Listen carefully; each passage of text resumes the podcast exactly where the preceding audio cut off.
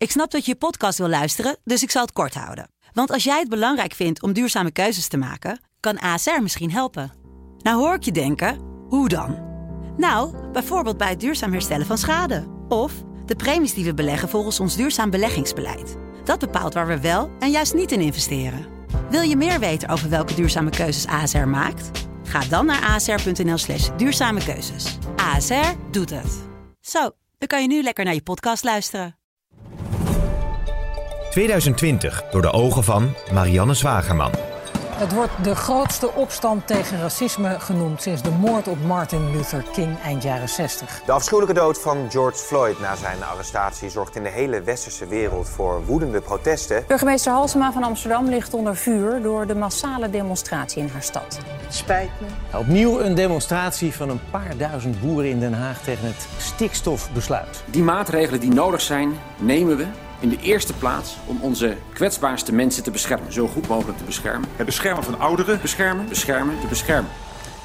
De laatste weken van het jaar. Tijd voor reflectie. Dat doen we met uh, deze podcastserie. Ik, uh, Kamran Oela, die spreekt met Telegraaf-columnisten. En we hoorden het net al, de coronapandemie tekende dit jaar. Maar er waren ook heel veel demonstraties. We moesten elkaar beschermen of juist niet beschermen. Er waren nieuwe mensen in Politiek Den Haag opeens. Sigrid Kaag op sneakers. Uh, dat zijn zomaar onderwerpen die we misschien wel gaan bespreken in deze podcast. Want tegenover me zit Marianne Zwageman. Ja, welkom. Dankjewel. Um, ja, we, we, zitten hier op de redactie van de Telegraaf in ja. een gebouw waar jij jarenlang rond hebt gelopen. Ja, bijna tien jaar heb ik hier uh, rond mogen lopen. Ja, ja, en ik heb het grootste deel van dit jaar besteed aan het schrijven van een boek over de Telegraaf. En heb ik wel af en toe behoorlijk moeten huilen ook tijdens het schrijven. Oh. Ik hield echt van dit bedrijf. Het was echt, echt een ware liefde, ja. Maar huilen omdat je achteraf denkt, ach, wat is allemaal gebeurd? Ja, hoe dingen soms gingen en hoe het afliep. Uiteindelijk is het voor de krant best goed uitgepakt, hè, zoals het nu gaat. Uh, maar dat heeft ook wel eens aan een zijde draadje gehangen. En uh, ja, ik werkte hier nog in de tijd dat, dat uh, mensen dan blauw-geel bloed door de aderen hadden. Um, dus het was echt nog een familie, familiebedrijf en familiegevoel. En ik, ik ben opgegroeid in een familiebedrijf, dus ik paste hier heel goed. Mm -hmm.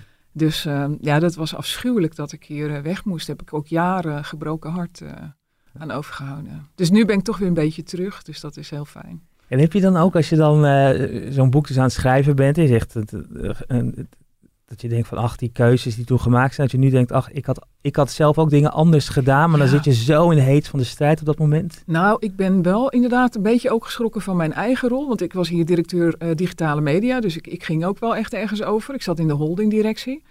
Um, en en uh, ik, ik dacht eigenlijk, tot ik in het boek al een eindje gevorderd was, dat ik niet bij die losers hoorde die alles verkeerd had gedaan. Want ik had best een heel aantal behoorlijk goede dingen gedaan, die dan door mijn opvolgers natuurlijk allemaal uh, te gronden zijn gericht. dus uh, bijvoorbeeld de oprichting van, van het videobedrijf hier. Ja. Hè? Toen heette dat nog het Telegraaf Productiehuis. En daar is WNL en Poont uit voortgekomen. En allerlei ambities die, die jarenlang stil hebben gelegen na mijn vertrek. Maar als ik het nu dan zo met de kennis van nu dan opschreef, dacht ik, wow, ik heb toch ook wel zitten ja, naar binnen zitten kijken heel erg. We waren hier heel goed in de luiken dicht. En, en ja, wij zijn de telegrafen, wat kan ons gebeuren? En, en, toch wel heel veel kansen ook laten lopen. En, uh, en ja, ik ben toch ook te veel meegegaan in, in dat denken dat we alles zelf konden. En uh, ja, dus ik, ik, ben wel iets kritischer over mijn eigen rol geworden. Maar bijvoorbeeld ook het afscheid van Jules Paradijs. Uh, toen ik hier al weg was en Jules hoofdredacteur was was ik heel kritisch op hem. Ik heb mm. geloof ik wel dertig columns geschreven dat hij weg moest. maar toen ik zijn, zijn afscheid, zijn daadwerkelijke ondergang opschreef, heb ik, heb ik echt bij zitten huilen. En, en Jules heeft toch een soort helderrol in het boek, terwijl ik hem die van tevoren eigenlijk helemaal niet had toegedicht. Dus dat is, dat is heel grappig, want ja, ik heb, ik heb echt nou, honderden interviews gedaan en, en twee jaar research gedaan. Heel veel documenten gekregen, notulen en van alles. USB-sticks in, in donkere garages uh, overhandigd gekregen door kuchende man in regio's. dus, dus ja, ook wel een ander licht gekregen op dingen waar ik al niet meer bij was toen ik hier al weg was. Dus nou, ik vond het zelf heel emotioneel om het te schrijven. En ik hoop ook heel erg dat het de lezers ook heel erg gaat raken. Mm -hmm. Ik moest zelf heel erg huilen bij de laatste, laatste pagina. Mm. Uh, Dus ja, ik hoop ook dat het, uh, dat het ook mensen die de krant lezen, dat die natuurlijk ook het boek willen lezen en denken, oh zo gaat dat dan dus. De ultieme teaser, ik moest heel erg huilen bij de laatste ja, pagina. Ja, vooral die laatste pagina. Toen heb ik, ja, ik heb het heel moeilijk gehad. Het was ook, ik moet eerlijk zeggen, ik had het om kwart over vijf s'nachts af. Hm. Ik was al twee weken over de allerlaatst uitgestelde deadline heen, dus het moest echt af. Dus ik had tegen mezelf gezegd, je schrijft gewoon door tot je er maar neervalt. Maar nu mhm. moet het echt af. Dus om tien over vijf s ochtends ben je ook wat emotioneel als je al 18 uur zit te werken. maar het eindigde ook anders dan ik had verwacht. Mhm.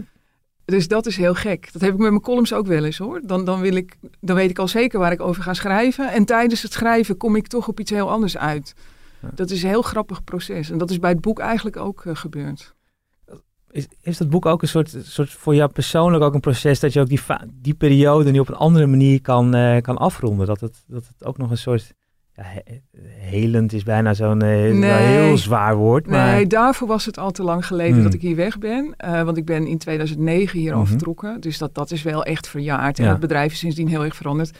Ik had dat wel heel erg toen ik een jaar geleden hier weer als columnist begon. Ja. Want ik heb hier altijd aan de directiekant gezeten. Uh, en dan mag je niet op de redactie komen. Hè? Dat is dan het bolwerk. Uh, en dat ik nu aan de andere kant van het muurtje uh, terug ben.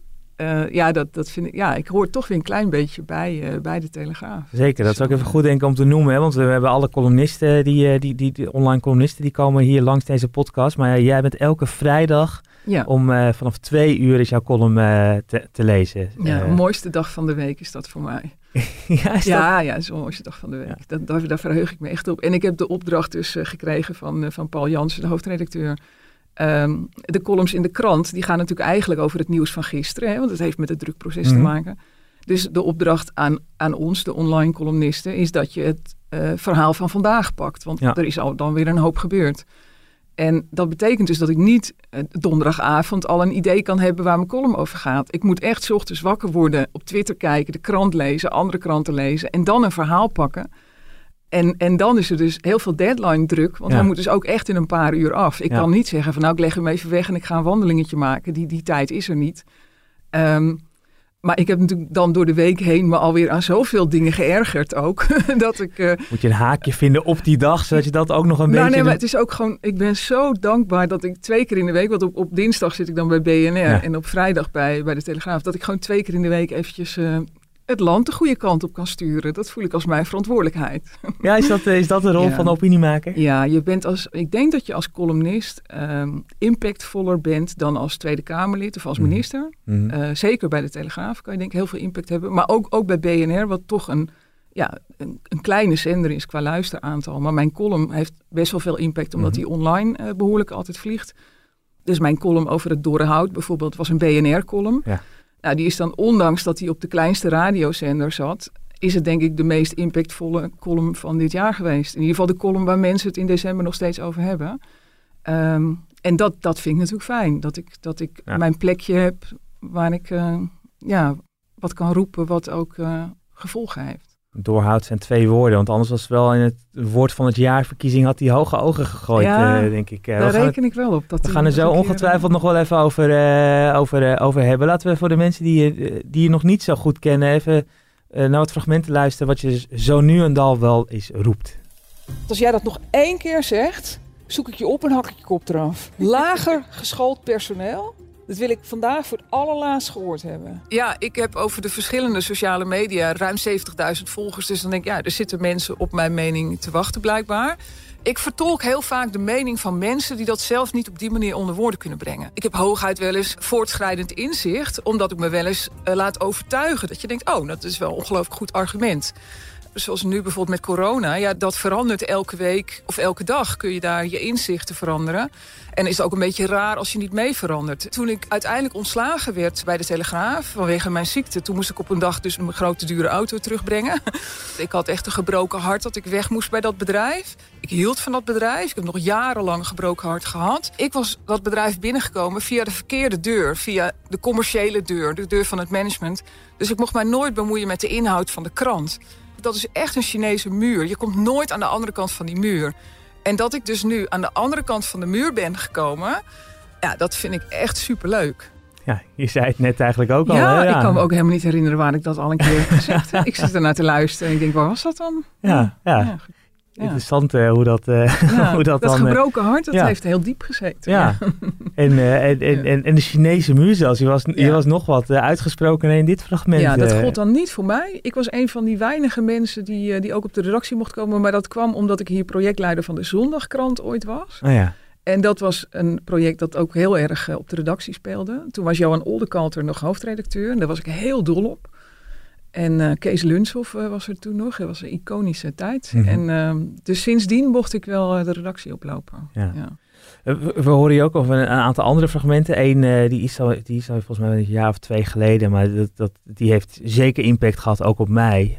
want ik heb mijn taalgebruik denk ik, daar echt op veranderd. Is dat laag opgeleide en praktisch opgeleide. Dat mag je nooit meer zeggen. Nee, ja, dat, dat was tijdens een congres geloof ik, hè, dat je dat op het podium ja. zat. Nou, dat is, een, dat is een hoofdstuk uit mijn boek Kluitjesvolk. Dat boek is nu vier jaar oud en dat trek ik al vier jaar mee het land Ja. in. En uh, dit was een congres met ondernemers in Brabant. En uh, daar was toevallig, waren gewoon hele goede, goede camera's, drie camera's.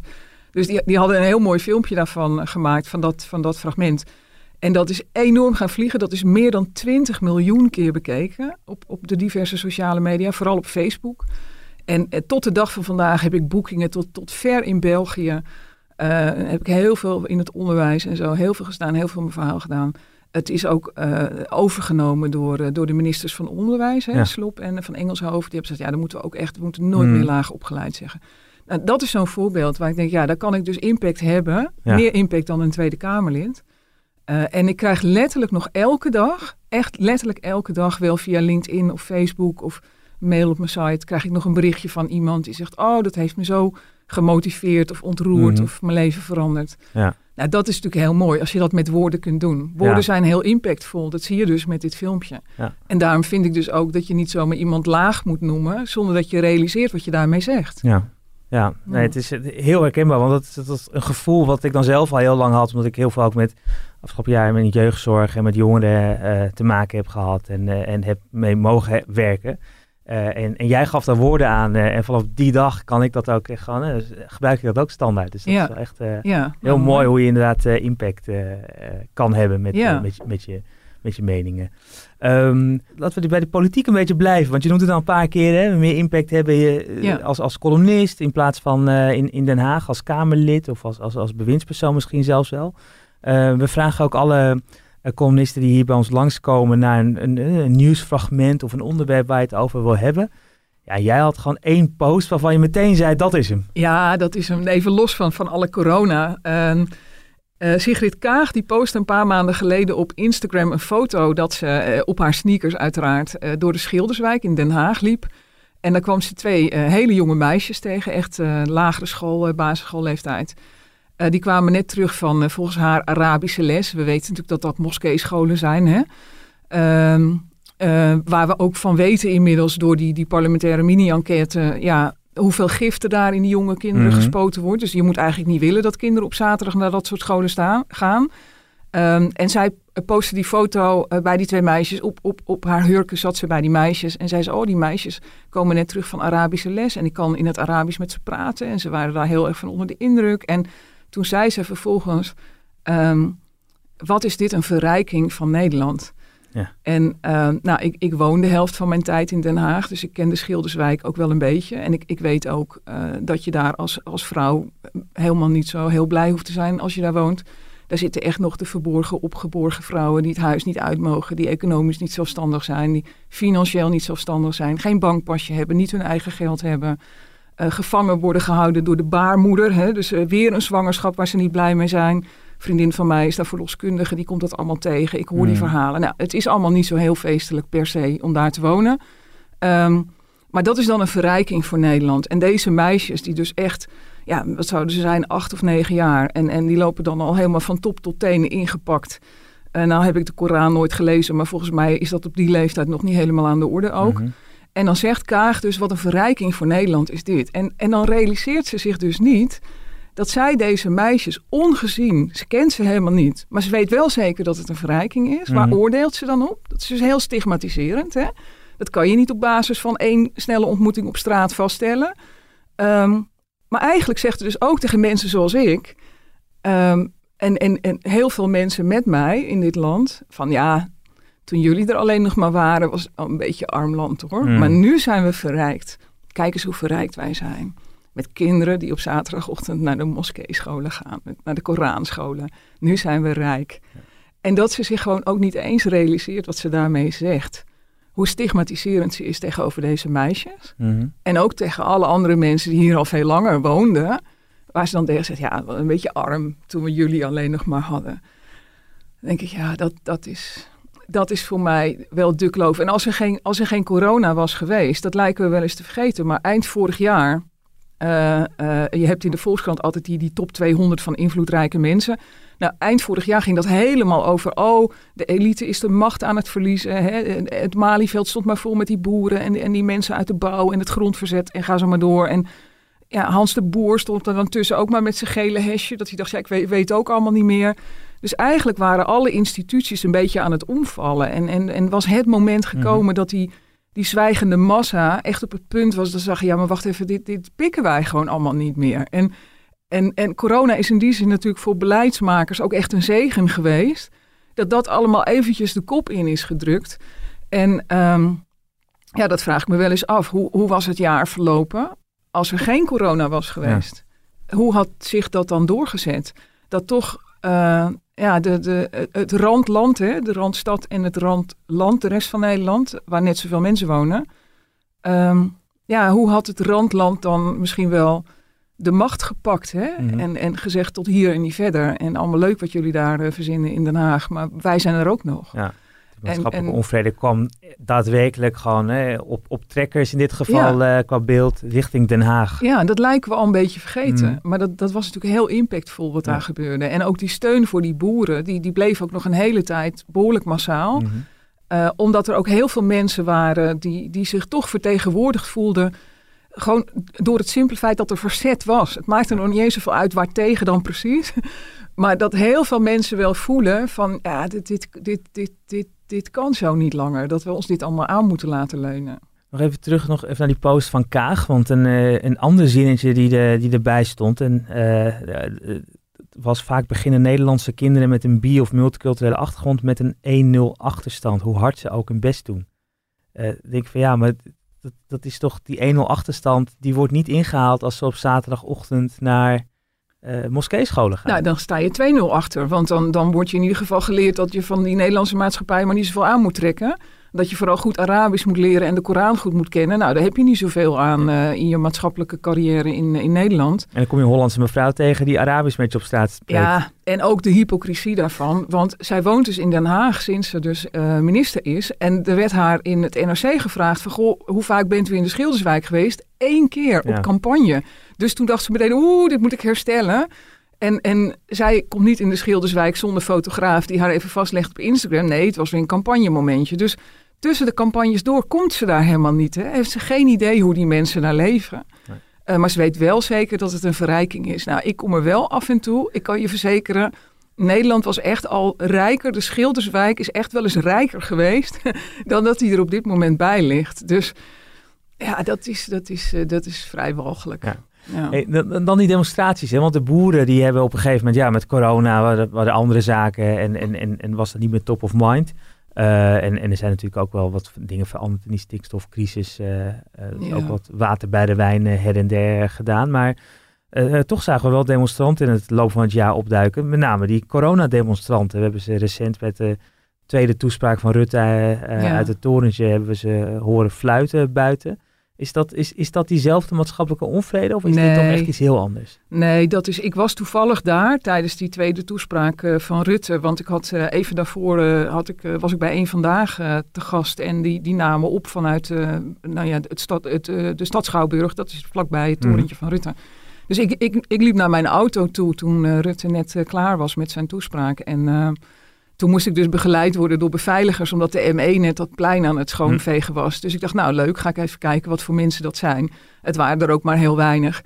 Maar ja, dat zijn die mensen die, die zijn zo, zo kapot geschopt door het leven. Dat zijn dwaze vaders, alcoholisten, mensen met chronische ziekte, armoede, dakloos. Daar lopen er dan een stuk of veertig. Die protesteren tegen alles, want die, die, Hmm. die hebben niks meer te verliezen en, en ook niks meer te winnen. Die, die hebben het gewoon opgegeven.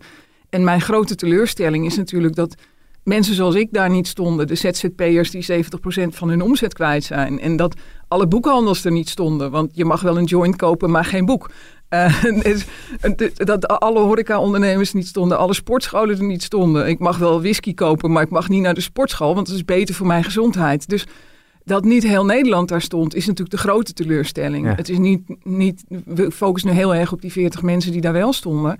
Maar eigenlijk stonden zij ons vuile werk op te knappen. Uh, van, van, de, ja, van de groeiende groep Nederlanders die denkt van ja, maar wacht even, dit, dit, dit klopt allemaal niet. En, en, en wat zijn dit voor rare maatregelen? Waarom horen we die groep dan zo weinig? Nou, ik denk ook omdat elke keer weer die 40 mensen die er wel staan, die zijn dus de dag daarna in, in, in 100 columns uh, kapot geschreven. Terwijl, nou, er kwam één zo'n man op mij af, die had allemaal pasjes om zijn nek en zo. Ik zei, wat heb jij nou allemaal voor pasjes om je nek? Hij zegt, ja, ik ben medisch beperkt, want ik kan geen mondkapje dragen. Ik zeg, oh, wat heb je dan? Ja, ik ben helemaal verkankerd. Ik zeg, nou, dan moet je misschien je sigaret even uitdoen, hè? Want daar stond er ook nog bij te roken. Ja, en dan vervolgens kwam zijn hele levensverhaal eruit. Dat hij zijn kinderen niet meer zag. Dat hij door zijn ziekte zijn baan kwijtraakte. En daardoor zijn huis. En dat hij nu niks meer had. En, en dan denk ik, en die mensen dan in allerlei columns nog even nog verder trappen terwijl ze al op de grond liggen. En, en, en Joep van het Hek met zijn wappie. En daar heeft iedereen het dan weer over. Oh, dat is dan zo leuk. Maar daardoor durf ik er niet meer te gaan staan. Want omdat, je wordt meteen ja, je wordt in die van die wappies. geduwd. Ja. En, en dat, dat, dat hoor ik heel veel in mijn omgeving. Een goede vriendin van mij is bijvoorbeeld wel naar die eerste eh, demonstraties geweest nog eh, voordat Willem Engel dan een beetje ontspoorde. Mhm. Ja, die zegt ook, ik kan, ik kan daar dus nu niet meer naartoe. Dus ik denk dat ja, een hele grote groep is die, die, die zich niet organiseert. Maar dat, ja, ik had vanochtend in mijn column op BNR ook over, als je nu zit met die toeslagenaffaire. Um, waarom accepteren alle journalisten, alle mediabedrijven, waarom staat niet het genootschap van hoofdredacteuren nu te demonstreren voor het katshuis? Van joh, wij laten dit gewoon niet meer toe dat wij de informatie niet krijgen waar wij recht op hebben. Wij als democratische waakhonden. We laten gewoon niet meer toe dat er nu weer in het katshuis wordt vergaderd zonder dat er notulen worden gemaakt. Mhm. We laten dat niet meer toe. We, we, we, drukken gewoon geen krant meer af met Rutte erin, zolang jullie dit niet oplossen. Dus er is een soort gelatenheid ja, in, in alle beroepsgroepen zelfs bij de beroepsgroepen zoals journalisten, die, die toch eigenlijk vooraan zouden moeten staan om ja, dingen boven water te halen. Wij accepteren dus al tien jaar dat er een Rutte-doctrine is. En dat, dat WOP-verzoeken niet worden uitgevoerd. En dat dingen worden weggehouden en zwart gelakt. Hoezo? Waarom accepteren wij dat? Dat, vind ik heel opmerkelijk. Je noemt nu het genootschap van hoofdredacteuren, maar als we het breder trekken naar, het, eh, alle vakbonden en alle organisaties, die, die, al die brancheorganisaties, is, is ook niet tijdens het coronabeleid hebben we ook niet een beetje daar misschien wat failliet van gezien? Dat die, dat die dus niet meer de groep weten te vertegenwoordigen nee, of daadwerkelijk ja. kunnen uitoefenen. Nee, dat failliet hebben we dus voor de coronacrisis hm. gezien. Dat, dat was dat kantelpunt wat je aanvoelde komen. Dat, dat, dat ook zo'n Hans de Boer, toch een van de machtigste mannen van Nederland toen nog, dan maar op het podium gaat staan tussen, tussen die, die, die mensen uit het grondverzet. Omdat hij dan ook denkt, ja, ik trek ook maar zo'n jasje aan, want ik, ik weet het ook even allemaal niet meer. Dus het failliet van de instituties was vlak voor de coronacrisis volledig zichtbaar. En er was ook totale paniek hè, in, in, in alle geledingen daar. Ja, en, en, en, en, en dan komt natuurlijk een, een, een, een, een, een, een crisis waarmee iedereen bang wordt gemaakt. En denkt, oeh, dat Rutte nu zo stijgt in de peilingen al maandenlang. Ja, het, nou ja, ik, mijn hoofd ontploft daar werkelijk van. Dat is wat angst met mensen doet. Angst is echt zo'n krachtig medicijn. En er zijn natuurlijk heel veel machtshebbers die dat weten, die dat al lang doorhebben. Maar in feite is dat natuurlijk waar wij hier ook mee te maken hebben nu. Dat we ons zo door angst laten leiden, dat we nergens meer wat van durven te vinden. Rutte zei op een gegeven moment wel, halverwege het jaar was dat volgens mij een beetje in die zomer na die eerste golf. En nu eh, met het coronabeleid, mensen mogen meedenken. We gaan ook met jongeren praten. Ja, uh, één keer was dat geloof ik. En welke jongeren zijn dat dan weer? Dat zijn weer de jongeren die zitten dan al in de jonge SER of zo. Dat zijn ook weer van die ja, van die brave jongetjes en meisjes die over tien jaar dan fractiemedewerker zijn en dan hopen ze een keer staatssecretaris te worden. Dat zijn niet de jongetjes en meisjes die op de Zwarte Cross lopen, hè? Dus dat is eigenlijk gewoon voor de bühne geweest. Ja, het is alleen maar voor de bühne geweest. Het was ook maar één keer. Mm. En daarna ging Ollengren het doen. Die heeft geloof ik ook nog één keer met ze gesproken. En dan... dan en klaar. Maar, maar dat zie je ook met die metaforen. Hè? Eerst gaan ze dan, eh, dan gaan ze weer met de hamer en de dans. En de keer daarna ze weer, gaan ze de remweg verlengen of verkorten. Het is elke persconferentie hebben ze weer een nieuwe manier om het uit te drukken. Er zit geen consistentie in. Nou ja, goed, daar, daar kunnen we nog, eh, nog 48 uur over praten. Maar, maar dat we het allemaal zo gelaten accepteren. En dat, dat is mijn belangrijkste ja, niet zozeer wake-up call, maar ik, ik heb vier jaar geleden dat boek Kluitjesvolk geschreven. Dat is een aanklacht tegen het rubberen tegelparadijs. Waar ik mensen oproep om minder laf te zijn, om onverschrokken te leven, minder angstig te zijn. En, en ja, alles wat ik in dat boek beschreef, blijkt dit jaar nog, nog duizend keer erger te hm. En dat iedereen maar als, als makke bange schaapjes achter de leider aanloopt. Dat is, ja, ook toen ik hier vanochtend binnenkwam dan kom ik Paul Jansen tegen, de hoofdredacteur. Vind ik toch een onverschrokken man. Die is hoofdredacteur van de Telegraaf. Zegt hij, eh, doe je wel even je mondkapje op? Ik zei, nee, maar dat hoeft hier niet. Ja, het is een publieke ruimte. Ik zei, nee, maar het is een besloten vereniging waar ik lid van ben. Hè? Ik ben abonnee ook van de Telegraaf. Dus ik hoef hier helemaal mijn mondkapje. Ja, doe toch maar wel, want het is hier wel beleid. En ik, ja, dan zijn we toch een beetje verloren natuurlijk. Dus ik ben braaf met mijn mondkapje op hier naar de podcaststudio gelopen. Ja, ik, ik haat mezelf nu dat ik er dus ook weer aan mee heb gedaan. In het bolwerk van de Telegraaf. Ja, Kom op. Ook een Max Schaapje geworden door deze crisis. Ja, dat is toch afschuwelijk? Gaan we hier, als we eruit weer komen, eh, komt er dan wel weer een nieuwe balans met, want die instituties waren, dat failliet was er dan al voor de coronacrisis. Nou, nu hebben we dan een zware crisis met, met heel veel angst. Als we er straks uit zijn, is het dan een nieuwe balans of gaan we dan toch weer terug naar waar we waren? Nou, als we eruit zijn, dan wordt natuurlijk pas zichtbaar hoe groot de, de, de economische schade is. Maar dat is zo'n meta-begrip, alsof hmm. het niet over mensen gaat. Als ik gewoon in mijn eigen familie kijk, mijn broers zijn alle drie ondernemer, hard geraakt, uh, zitten in, uh, ook in de, in, de, in de hijskranen en zo, die over de hele wereld stilstaan. En, en ja, er zijn zoveel mensen, zoveel ondernemers hebben echt al hun potjes op moeten eten en, en meer dan dat. Um, het jaar van faillissementen komt er echt aan. Nou ja, kijk, er zijn nu nog weinig faillissementen. Mhm. Maar dat is omdat we in een soort Jesse Klaverland nu leven. Hè? Niemand hoeft meer te werken voor zijn geld. Um, we krijgen allemaal net genoeg om niet dood te gaan. Dat is natuurlijk zijn ideale land waar we in terecht gekomen zijn. Ja, dus...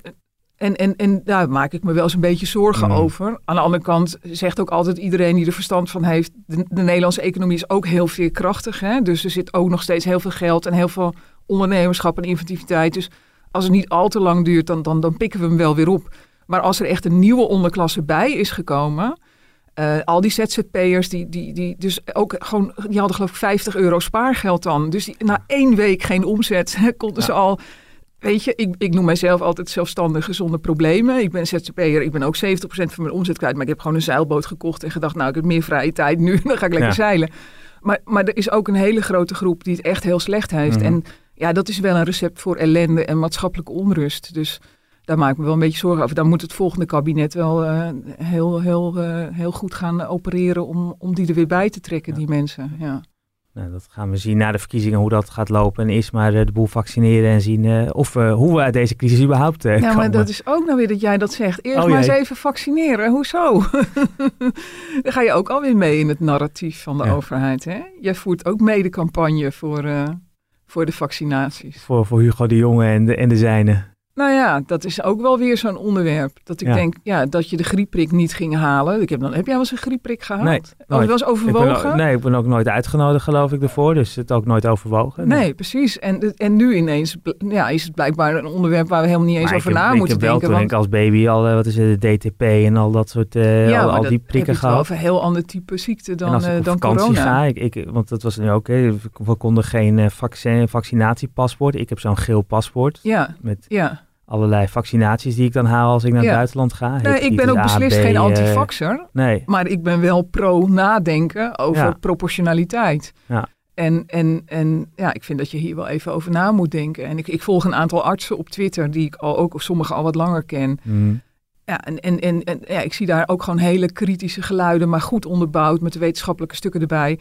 En dan denk ik, ja, je zou elke dag, hier ook, je zou hier op de redactie, ga het ook alsjeblieft doen. Hè? Jij, jij gaat erover vanaf 1 januari. Ben jij toch chef digitaal hier, de hoofdredacteur digitaal. Ga elke dag een talkshow maken met de artsen. Die, die, die daar wel heel goed onderbouwd een verhaal over hebben. Ik, ik kan er zo, ik kan er honderd bij je aanleveren. Jij kunt hier elke dag met vijf artsen een goed gesprek zitten voeren. Maar ja, ik zie ze niet in de talkshows uh, op tv. Uh, of één keertje en daarna durven ze dan niet mhm. meer. Want dan mhm. worden, worden, ze, worden ze afgefikt. Ja. Maar dat, ja, er is heel weinig ruimte voor, uh, voor, voor, voor het geluid van, van, van alle kanten. Hè? Ja. Het kritische geluid, juist ook vanuit de wetenschap en, uh, en de mensen die er echt verstand van hebben. Ja. Zeg je. Ja. Ja, ja, want hadden wij maar een minister van Volksgezondheid die er verstand van heeft, maar die hebben we niet. En dat, dat vind ik altijd al een slecht idee dat daar geen arts zit. Ik bedoel, ik verlang nog wel eens terug naar Els Borst. De, een van de weinige ministers die een mooier land na heeft gelaten. Hè, Mhm. Met het regelen van de euthanasiewetgeving. Uh, maar zeker als er een gezondheidscrisis is, dan heb je daar een arts nodig. Ja. Nou weet ik niet of uh, Ernst Kuipers het beter had gedaan overigens. Want daar ben ik ook heel kritisch op. Maar goed, ik vind wel dat media daar ook uh, gewoon wat, wat kritischer mogen Maar ga, je, ga jij uiteindelijk als die oproep komt het vaccin halen? Of ben je nu ben je nog echt aan uh, in dubio? Ik ben niet in dubio. Ik, ik heb ook nooit overwogen om de griepprik te gaan halen. Nee. Um, en sowieso, maar dat, dat, is, dat, is ook, dat is ook een onderwerp in mijn boek Kluitjesvolk. Kijk, de prijs van angst is hoger um, dan... Dus de maatschappelijke schade van angst is heel erg groot. Nou, dat, dat schreef ik vier jaar geleden al op, maar dat zie je dus nu helemaal in, Mhm. mm. in het kwadraat. Dus ik gooi bijvoorbeeld ook altijd alle oproepen weg van de bevolkingsonderzoeken. Want dan denk je, joh, als het mijn tijd is, dan aanvaard ik het. Ik, ik ben nu 51, ik heb al een geweldig leven gehad. Als, als ik maar 55 word, ik, ik heb er vrede mee. Ik vind het prima. Ik, ik wil niet rottig dood. Ik wil een beetje lekker uh, gesedeerd worden voor die tijd. Maar uh, nee, prima. Ik, uh, ik gooi alles weg. Ik doe daar allemaal niet aan mee. Ik, ik leef niet in angst. Ik geniet van elke dag. En als dit mijn laatste was, dan is het zo. Dan heb ik hem op de basisweg door mogen brengen. Op de redactie bij de Telegraaf. Nou ja, hoe gelukkig kan je nog zijn? Mijn boek is af. Laat ik ook nog wat na. Ik heb geen kinderen, maar ik laat boeken na. Er staan boeken van mij in de Koninklijke Bibliotheek. Wat wil ik nog meer? Bijzonder een mooie levensinstelling. Ik kan me voorstellen dat je, dat, dat je er heel positief dan door het leven gaat als je er zo in staat. Ja, de, nou ja, de, het, ik laat mij niet door angst regeren. Mm. Terwijl ik op zich een heel angstig mens ben. Um, maar angst is ook gewoon een spier, hè? die kun je trainen. En, en um, ja, dat, dat, dat leren we mensen nu af. En het was al voor de coronacrisis, vrij kort daarvoor weet ik nog, ging ik nog het, het land in met mijn uh, lezingen over het rubberen tegelparadijs. En daar heb ik een dia in zitten van een uitzending van Nieuwsuur. Um, en die ging over baarangst. Dus jonge mensen zijn zo bang gemaakt door Greta Thunberg en zo. Die durven zich niet meer voor te planten. Wat op zich goed is, want we zijn al met veel te veel. Hè. De, de, klimaatcrisis, de coronacrisis mm. komt ook allemaal deels omdat we met veel te veel mensen zijn. Um, maar die jonge mensen durven zich niet meer voor te planten. Dat is dus een serieus probleem aan het worden. Ja. Nou, dat vind ik dan fantastisch. Want dan denk ik, als de laffe mensen zich niet meer voortplanten... dan houden we de moedige mensen mm. over. Dus dat, daar, daar verlang ik wel naar. Ja, ja. Dat we weer wat meer moedige mensen hebben. Ja. Toen je het net het over had, hè, hoe, je, hoe je het leven staat. En, en, en het, dacht ik van, nou, dit is volgens mij wel de, de perfecte brug ook naar het onderwerp. Je raakt het even aan, wat nou, het meest met jou uh, genoemd is dit jaar. Het, het onderwerp over doorhoud. Doorhoud, en, en, ja. de, een column uh, voor, voor BNR. laten we even, eerst misschien even naar fragmenten daarover luisteren. Mensen brengen ongeveer negen maanden tot een jaar gemiddeld, volgens de statistieken zijn altijd uitzonderingen, door in een verpleeghuis. Dus dan gaan ze niet nu dood, maar over drie maanden. Ja, wat is precies het verschil buiten dat je dan nog drie maanden langer had geleefd? De emotie moet echt uit het coronadebat. Het dorre hout wordt gekapt, misschien een paar maanden eerder dan zonder virus. Moet iedereen die nog in de bloei van zijn leven zit daar alles voor opofferen? Kijk, het gaat er niet om dat ik zeg het dorre hout moet gekapt worden. De natuur kapt het dorre hout. Dat moeten we weer leren respecteren. Dat vind ik echt verschrikkelijk om op die manier over de ernst van dit virus te spreken. Echt verschrikkelijk. Hij moet de feiten onder ogen zien. Het is een oude mensenziekte. Er liggen niet heel veel jonge mensen op de IC. Er sterven ook niet heel veel jonge mensen aan. En daar moet hij nou eens eerlijk over zijn. En niet al die emotie maar weer op blijven werpen die niet in het debat thuis hoort. Ja. Nou ja, ik kan het niet beter zeggen eigenlijk. Je schrijft columns of, en je bent bij BNR uh, te horen en te lezen. En, ik kan me voorstellen, als je, een column aan het schrijven dat je denkt, hier ga ik wel wat reactie op krijgen. Of nou, dit keer een onderwerp wat minder reactie op komt. Hoe was het bij deze column eigenlijk? Toen op het doorhoud ging, dacht je, hier ga ik reactie op krijgen? Of dacht je, nou... Nou, het was een andere overweging. Um, Rutte bleef nog heel lang zeggen, we sturen in de mist en we weten niks. Ook toen we al lang heel veel meer wisten. Dus toen eenmaal gewoon duidelijk werd hoe die statistieken eruit zagen, ja. dacht ik, ja, wat is nou precies het probleem? De mensen gaan dood, precies op de gemiddelde levensverwachting. Mm -hmm. Nou ja, en ik verbaasde me ook al heel erg toen, dit was in maart hè, dat ik deze Mhm. column schreef, dat er zo weinig aandacht was voor uh, ja, alle problemen die er door die maatregelen veroorzaakt werden. En dan wordt er altijd gezegd, "Oh, de economie. Nee, ook gewoon levens van jonge mensen die verwoest werden. Dus de, de, de, de zoon van mijn vriend, die zat in, in Londen voor zijn studie, moest hals over kop terug met zijn vriendin. Kwamen bij hem in huis wonen, hebben Ja. daar een half jaar gewoond. Heeft een behoorlijke impact op onze relatie, kan ik je verzekeren. Het zijn schatjes hoor, daar niet van. Maar toch, maar, maar hun leven stond ineens stil. Dus er, was zoveel maatschappelijke schade. En toen was al duidelijk van ja, maar wacht even. Wat, wat zijn, welk probleem zou nou eigenlijk het oplossen? En ik merkte toen al twee, drie weken bij mezelf dat ik dat wel hardop durfde te zeggen in de woonkamer. Hè, want we zaten toen Mhm. allemaal opgesloten. En toen was er gelukkig Kees de Kort, mijn collega bij BNR, die daar elke dag eh, economiecommentaar Mhm. geeft. En Kees die ging er toen al met een gestrekt been in. En dankzij Kees durfde ik dit ook te zeggen. Mhm. En omdat ik het durfde te zeggen, durfde daarna weer veel meer mensen wat te zeggen. Dus iemand moet als eerste die brug over. En dat was Kees de Kort. Die heeft er te weinig credits voor gekregen. Hij is echt de allereerste in Nederland geweest. Die heeft gezegd, maar ho, wacht even, wat gebeurt er hier nou eigenlijk precies? Ehm, ik schrijf nooit een column omdat ik zo lekker ophef wil veroorzaken. Ik schrijf altijd een column vanuit verwondering. Dat ik denk, hoe kan het dat jullie dit zo zien? Want het zit echt anders. En ik wil niet arrogant zijn, maar ik krijg vrijwel altijd daarna gelijk. Het duurt soms alleen een half jaar of zo. En dan denk ik, oh, ze zijn, oh, ze zijn ook wakker hoor. haha. En dus ik, ik denk nooit van, oh, hoe ga ik nou eens eventjes eh, mensen boos maken vandaag? Nee, ik maak mij boos over berichtgeving die ik zie, waarvan ik denk, ja, maar die klopt gewoon Hmm. niet. Als, als Rutte dan in een persconferentie zegt, er liggen heel veel jonge mensen op de IC, dan ga ik meteen naar de site van de stichting NICE, hè, van, van Mhm. Gommers. En dan, dan kijk ik naar die statistiekjes, die zit ik dan druk op te tellen. En nog tijdens de persconferentie twitter ik dan al 23. Ja, het zijn er 23 te veel, maar kom op. Dat zijn niet heel veel jonge Mhm. mensen. En we weten inmiddels ook, en toen ook al, dat zijn dan meestal jonge mensen die hadden al leukemie of schildklierkanker of iets anders akeligs. Dus dan denk ik, wat zitten die journalisten daar dan allemaal te doen? Die moeten dan toch zeggen, meneer Rutte, ik heb hier de, de, de site van de stichting NICE openstaan. Ik zie ze niet in de statistieken. Heeft u andere statistieken dan wij? Waar baseert u dit nou op? Mhm. Die vraag wordt dan nooit gesteld. Ja. En vanuit die opwinding die ik dan heb, ehm, schrijf ik zo'n column. Ja. En niet omdat ik dan denk, oh nou, eh, nu gaat eh, heel Nederland misschien wel iets Maar er ontstond wel ophef over. Maar maar had je dat wel verwacht? Dat, dat je dacht van, hé, als ik... Dit is vanuit die verwondering, maar dat Ja. dit wel een onderwerp is waar zoveel mensen op zouden gaan reageren. Nou, wat ik werkelijk tot de dag van vandaag echt niet begrijp, is hoe mensen daar, Saskia Noord zei het afgelopen we- weekend weer in een interview, dat het fascistisch is. Mhm. Ik begrijp oprecht niet hoe mensen aanstoot kunnen nemen aan een, aan een feitelijke constatering die ik doe. Een vergelijking met hoe het in de natuur nou eenmaal werkt. Ik begrijp oprecht niet. Die mensen voelen zich dan heel veel beter blijkbaar dan dieren. Ik heb net dit weekend afscheid van een oude pony moeten nemen. Heel emotioneel. Op een pallet aan de weg. En dan wordt hij opgehaald door zo'n grijper. Mhm. En dan wordt die biomassa, hè? dus dan wordt die Mhm. verbrand in een oven.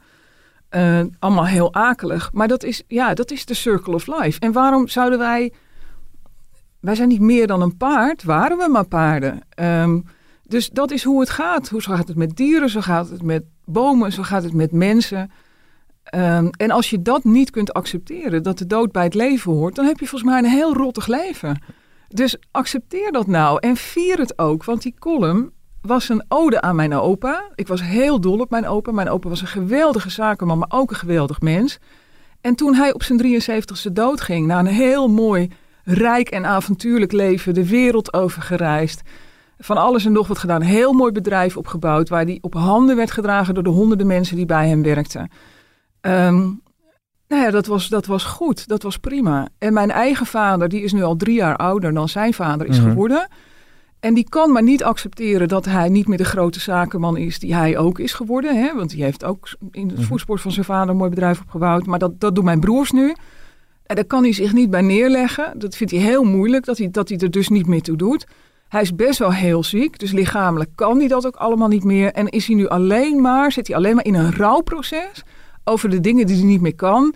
In plaats van gewoon terug te kijken op een heel mooi leven dat Mhm. hij heeft gehad. Te vieren. En te vieren dat hij deze dagen er nog bij heeft gekregen ook. Dat hij er Mhm. nog is. En wat hij dan nog wel kan met, met al zijn beperkingen.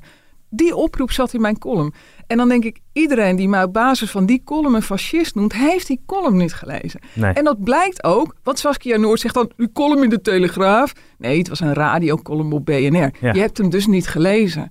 Dus mensen hebben dan een oordeel op basis van wat Jan Slachter zei over die column in op één. En niet een oordeel over de column zelf. Ja. En dat is natuurlijk wel een beetje jammer. Ja, dat gebeurt natuurlijk heel veel. Want het is toch ook ergerniswekkend dat, dat, dat mensen gewoon op basis van een kop of op basis van twee woorden of iets wat ze horen en Ja. dan een hele mening hebben over een column die ze helemaal niet gelezen of gezien hebben. Nou ja, goed, maar daar leven wij van de media ook van. Ja. Ik bedoel, de Telegraaf is er eh, een koning in, in, in, in koppen boven stukken zetten waarvan je denkt, ja, ik lees het niet per se helemaal een stuk terug misschien, maar ik snap wel dat het een goede kop is.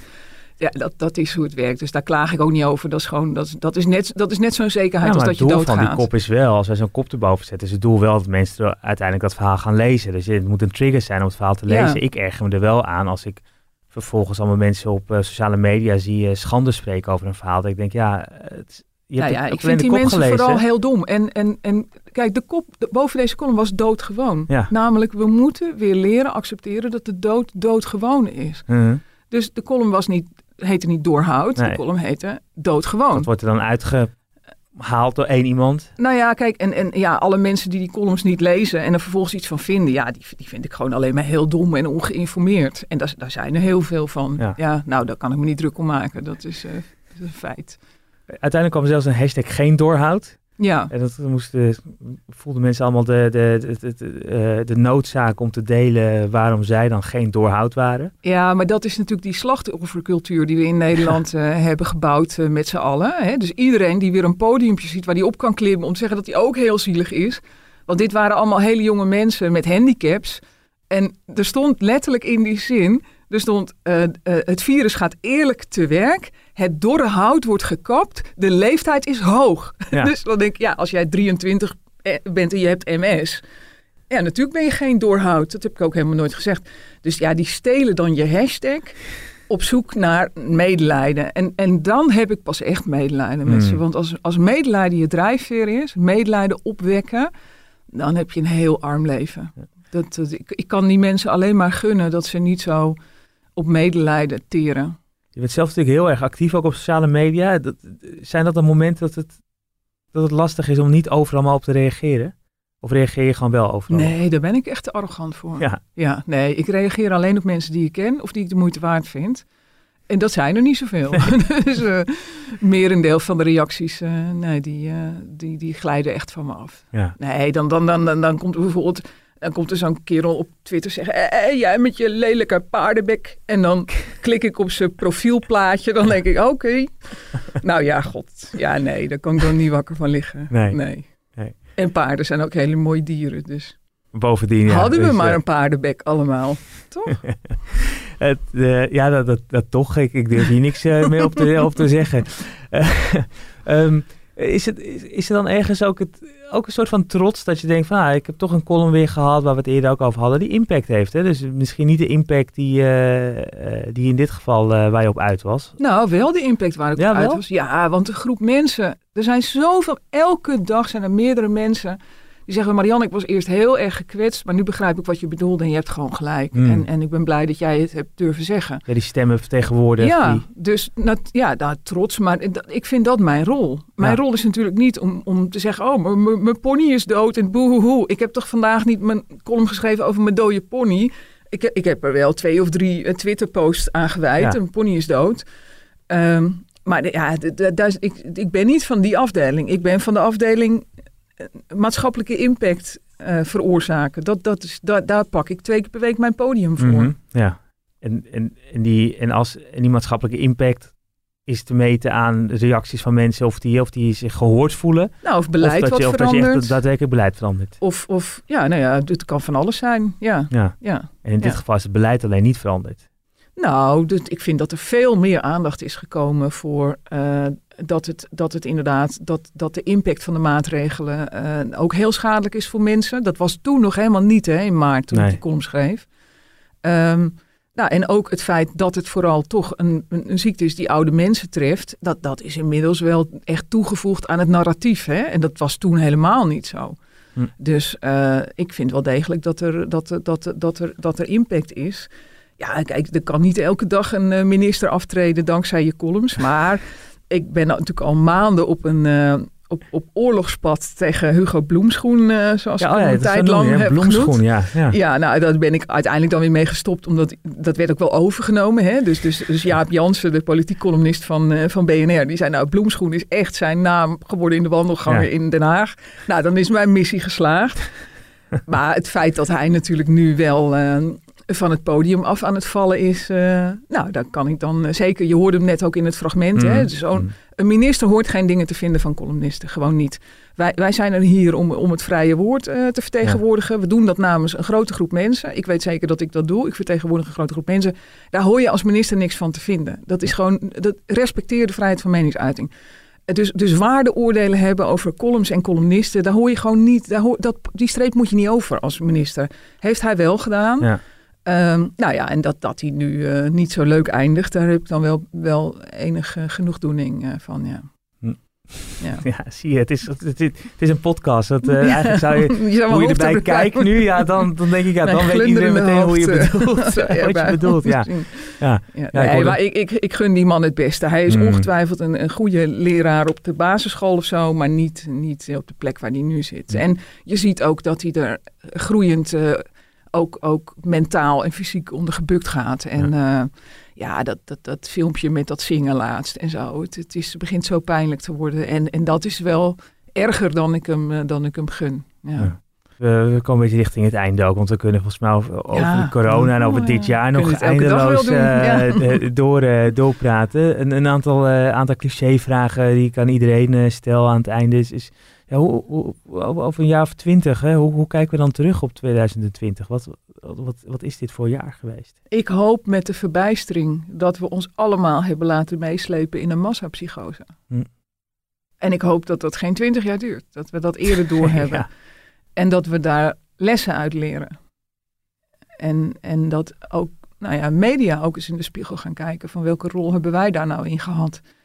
En uh, ja, de, ik ben niet optimistisch over dat dat gebeurt, maar dat, dat hoop ik wel. Ja. Ons niet laten gijzelen als samenleving, als mensen door, nou ja, door iets wat er gebeurt. Ja, maar dat we ook niet bang zijn om... Iedereen was in het begin bang, ik ook. Ik ben ook mm. naar mijn ouders gegaan en heb ook gesommeerd uh, dat ze binnenbleven. En, en, en, en nou ja, dat allemaal. Iedereen was bang in het mm. begin, want we wisten niks. Maar op een gegeven moment weet je meer en meer en meer en meer en meer. En dan moet je ook niet bang zijn om te zeggen: oké, jongens, het viel allemaal mee, gelukkig. We weten nu veel beter uh, hoe we het onder controle moeten houden, welke mensen het betreft, hoe we die moeten beschermen. Mm. Um, maar dat, dus, dat, dat we in december 2020 de grens zijn overgegaan zonder al te veel morren, met maar 40 demonstranten met een pan uh, op het plein.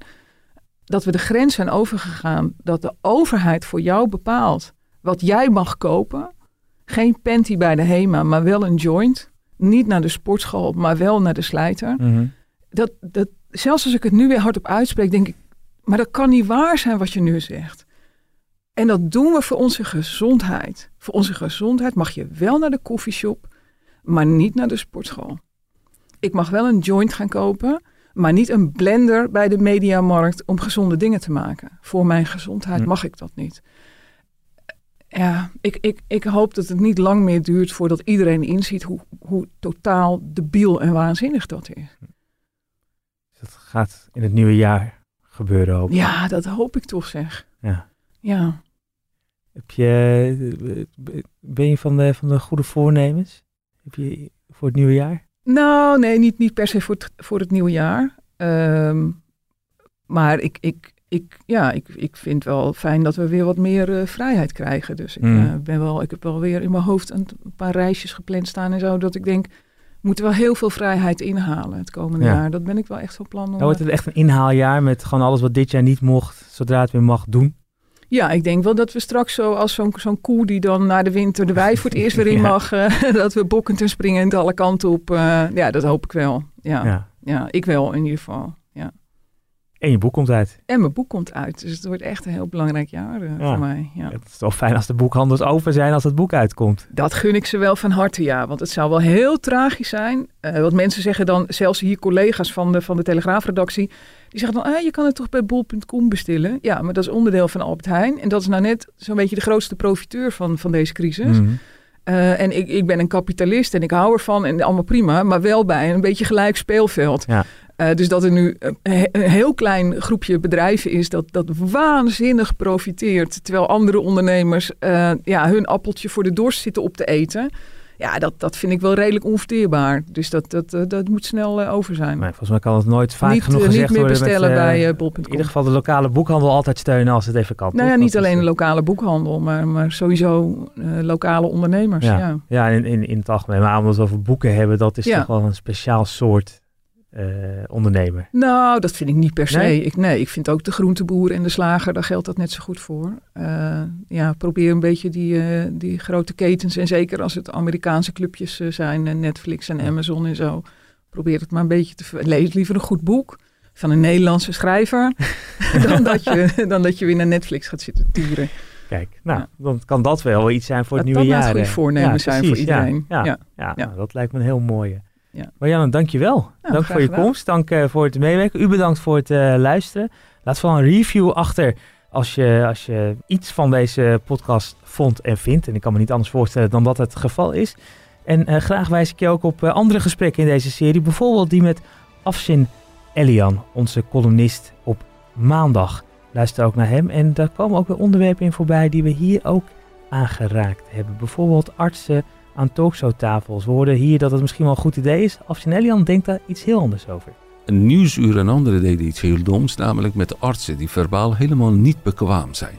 Dit zijn fantastische mensen, die artsen. Mhm. Eh, ik heb zelf ook een paar jaar mogen medicijnen studeren, geneeskunde. Ja, fantastische mensen, maar hierover, als je het in een studio brengt, dan ga je het meest ingewikkelde ethische, politieke vraagstukken stellen. Ja. mag leven, wie mag niet leven als je geen bed hebt? Zo dom. Dat moet je niet doen. Dan krijg je ook soms van die rare antwoorden die zij achteraf misschien een spijt van hebben.